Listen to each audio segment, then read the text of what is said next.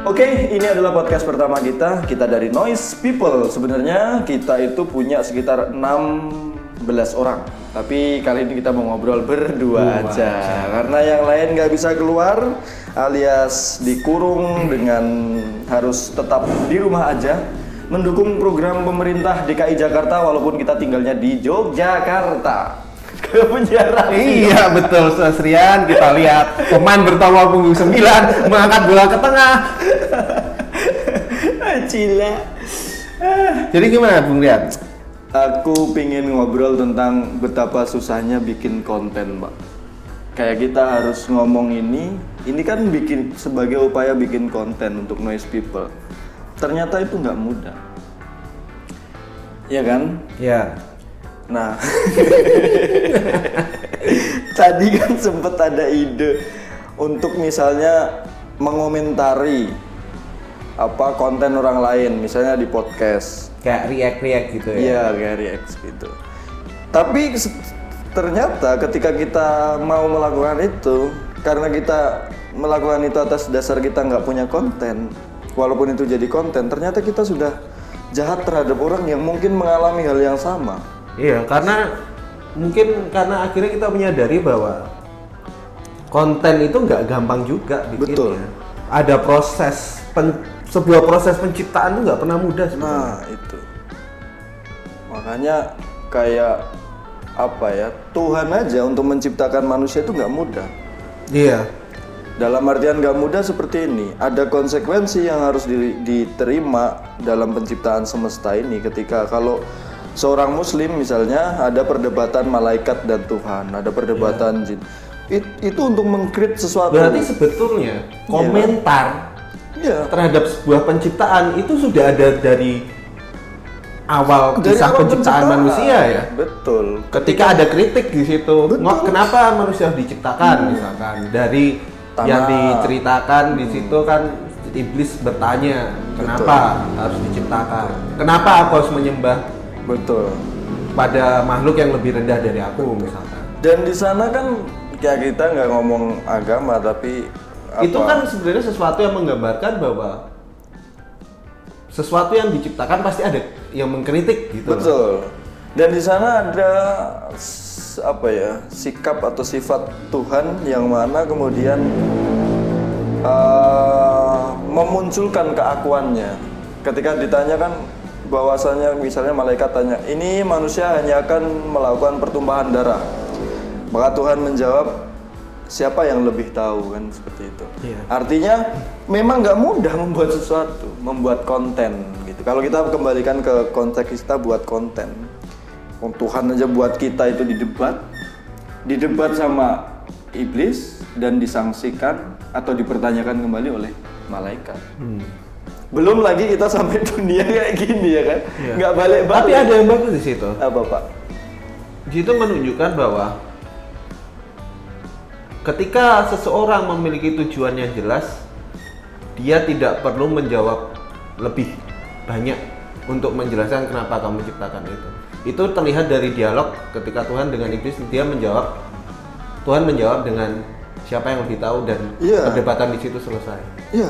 Karena memang sebetulnya ketika aku me- mengamin menarik hal itu, jadi ketika kamu sudah memiliki keinginan apa tekad niat untuk menciptakan sesuatu, ya sudah itu ciptaanmu dan ya udah Iya. apa ya ya udahnya tuh maksudnya eh biarkan dia tumbuh gitu loh Iya, ciptaan. biarkan dia tumbuh. Kalau kalau kita konteksnya ke manusia kan seperti itu. Jadi ya kayaknya kejauhan ya kalau ke Tuhan. Ah, kalau kita ke kembali ke karya aja Kalau bahkan Pram pun dalam bu- Pramudianantatur dalam uh, buku-bukunya dia dia tidak pernah mau setelah dia selesai menulis diserahkan pada uh, editornya penyuntingnya dan dia tidak mau nah, mau lagi membaca dan membiarkan buku itu tumbuh sendirinya. Karena dia menganggap setiap karyanya itu ada anaknya dan setiap anak punya jalannya sendiri untuk tumbuh. Ada yang mati di tengah jalan,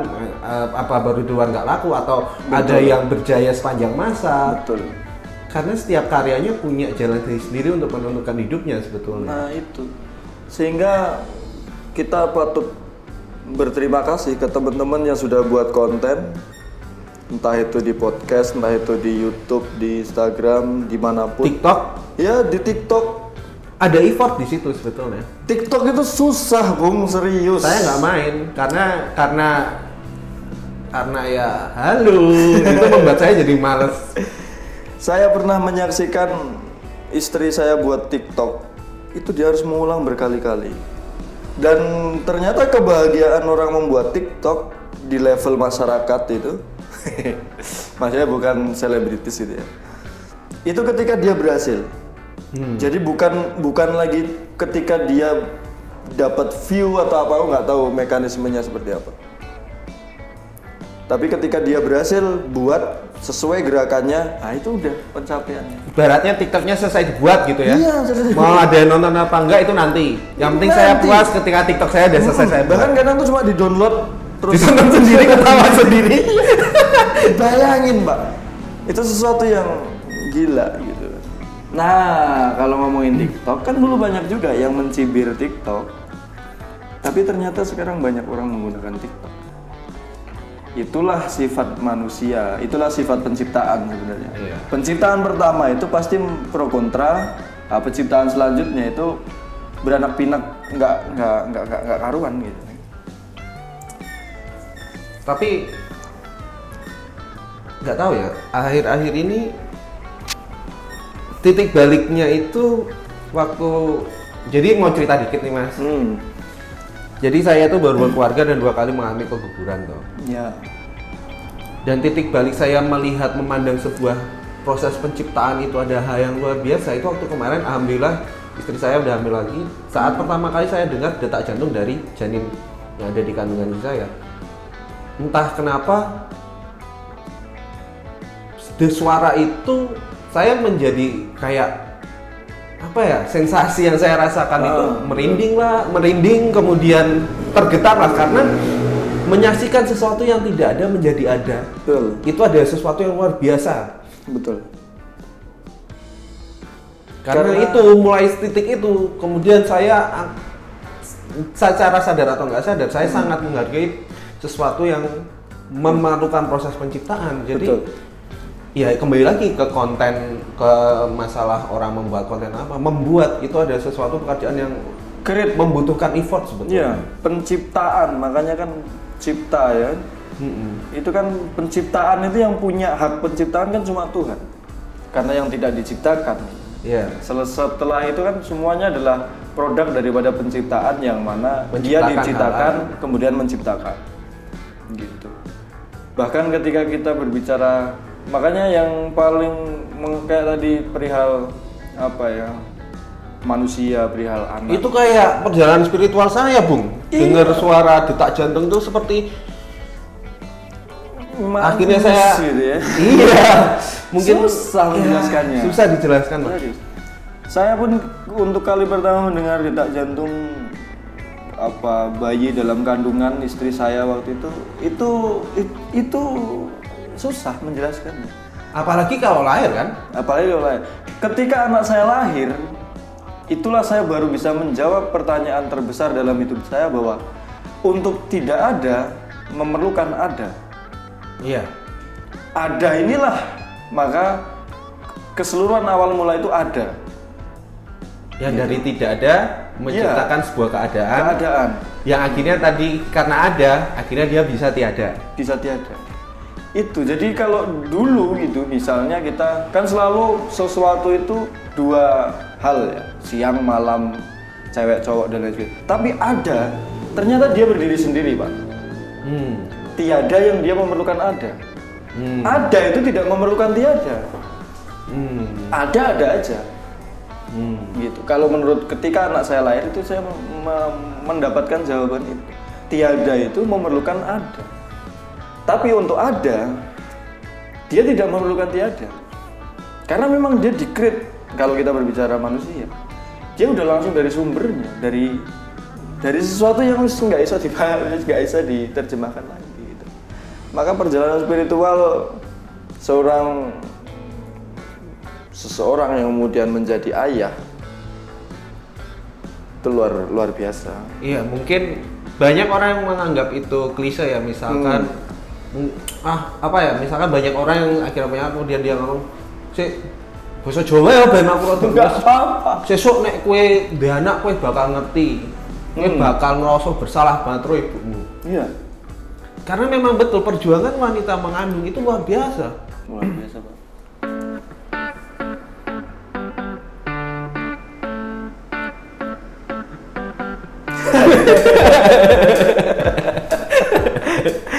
aduh.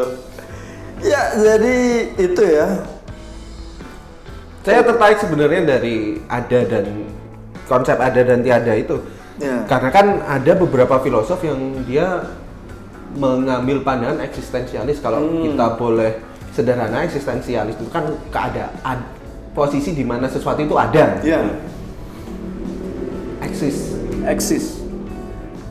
Kalau makanya kata ek, nah ini aku jadi inget nih, kata eksis itu kan beberapa tahun terakhir banyak digunakan ya. Entah itu untuk menyebut seseorang yang kemudian viral, seseorang yang kemudian muncul di media sosial, atau kemudian untuk bahasa iklan dan lain sebagainya. Eksis itu kan punya syarat pak. Hmm. Kita sudah ada, itu belum eksis sebenarnya. Hmm. Ketika kita ber- ber- berbicara di dunia banyak banyak pandangan seperti itu Iya. misalkan kalau pandangannya eh, materialis eh, pandangannya Karl Marx misalkan dia kan Ah. menyatakan seseorang itu eksis ketika dia memiliki karya ah karya ketika dia bekerja mencipta Bekerja. sesuatu akhirnya dia berarti dan itu dia memiliki arti Betul. itu baru dia eksis betul jadi kata kunci daripada eksis ketika ada tiada ada ada hari ini misalnya saya ada tapi keberadaan saya belum tentu bisa diakses orang lain Hmm. maka sebenarnya saya tidak eksis bagi orang lain Iya. bagi bagi bagi luar diri saya sendiri bagi diri saya saya sudah eksis Iya. Saya bagi di luar diri saya saya tidak eksis Iya. gitu kalau Sartre dia bilang eksistensi mendahului esensi Mm-mm. sebenarnya kita bisa memotret itu dari dua kayak yang pertama kenapa Sartre mengatakan itu Heeh, Persis yang dikatakan Mas Dian bahwa eksistensi itu memiliki syarat. betul Bahkan apa ya? Salah satunya adalah kalau Sartre lebih ke ketika kamu mau menunjukkan esensimu, kamu harus eksis. ya Ketika kamu eksis, maka esensimu akan ada. Mm-mm. ya Seperti itu. Tapi kalau saya mema- memaknainya berbeda, Bu. gimana nek Eksistensi mendahului esensi menurut saya, esensi seseorang akan muncul ketika eh esensi seseorang akan muncul ketika dia sudah ada eksis. Itulah Esensi ketika kenapa sudah eksis ya Itulah kenapa penyesalan apa ya bukan penyesalan. Ketika orang tidak ada, itu akan terasa sebetulnya apa yang esensi kehadiran orang itu yang membuat kenapa ketika kita kehilangan sesuatu itu rasanya sangat luar biasa menyakitkan. Karena kita menyadari bahwa esensi yang dia bawa sudah tidak bisa lagi kita rasakan. Dan kita telat menyadari esensi dia. hmm ya ya ya ya Masuk Maka akal. dari itu, kenapa kenangan mantan itu menyakitkan, Bu? iya karena dia Karena udah akhirnya dia meninggalkan esensi tanpa eksistensinya. betul itu ya kenapa kita nggak bisa melupakan karena dia udah nggak ada sebenarnya pak Esensinya udah nggak kita ada menyadari esensinya Iya. ada, tapi kita nggak bisa ngapa-ngapain karena orangnya udah nggak ada, nggak nggak eksis. ada. oh luar biasa ya dan kenapa sesuatu yang dibangun untuk melupakan itu bisa runtuh ketika eksistensi muncul kembali dari mantan kan? Hmm, dalam bentuk sapaan dalam bentuk pertemuan yang tidak diduga. Ya, ya, ya. Iya kan? Ya. Memang kadang kalau bicara mantan kok jadi mantan? Harus perlu benturan kayaknya pak itu. Eh, jadi ingat Bambang, Pak? jadi inget Andre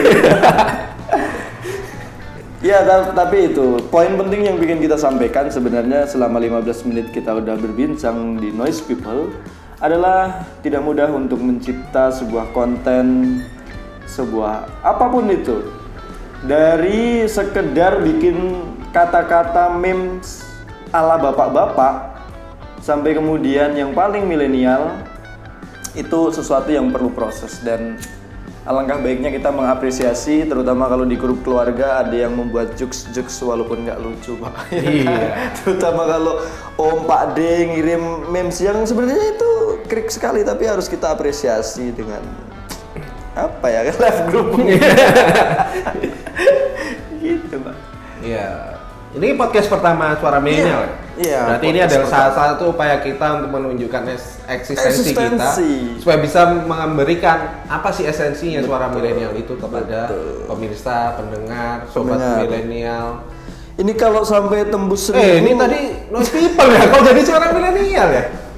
kan websitenya itu. Oh, websitenya itu ya? itu websitenya. Episode apa ini podcastnya noise people. Gitu gitu ya. Ini kita akhiri atau apa ini? Ada apa yang lebih menarik Udah sepertinya segitu dulu untuk penyapaan Itu. kita pertama. Ya, ini adalah penyapaan kita pertama. Kita ke depan akan lebih banyak ngobrol tentang hal-hal yang tentunya menarik perhatian publik. Seperti Mungkin sedikit ulasan dari website kita di Ya, suara milenial.id. Milenial, kita akan ulas juga tentang hal-hal yang kita tulis, kita buat di sana dan tentang cerita sehari-hari mungkin. Nanti kita ada segmen-segmennya hari Senin kita berbicara. Ya, betul. Satu minggu lah untuk menemani kawan-kawan di sana. Ya, karena personil kita yang 16 orang, 14 lainnya harus di rumah aja, maka kita belum bisa maksimal. Iya, karena Pak. dulunya kita tim volley. Gak boleh main volley karena work from home dan PSBB. Ya, akhirnya bikin- Akhirnya kita bikin podcast karena nggak tahu mau ngapain, nggak bisa main volley. Sungguh Tapi nggak apa-apa demi kebaikan bersama. demi kebaikan bersama. Ini cara ngakhirinya gimana, Pak? Saya bingung cara nutupnya. Iya. Karena itu kita harus sebaiknya harus belajar mengakhiri sebelum memulai sesuatu. Asik. Karena kita kadang lupa cara mengakhiri ketika kita sudah memulai. Itulah. Ya sudah, daripada berlama-lama, kita tutup acara ini dengan Alhamdulillah. Alhamdulillah.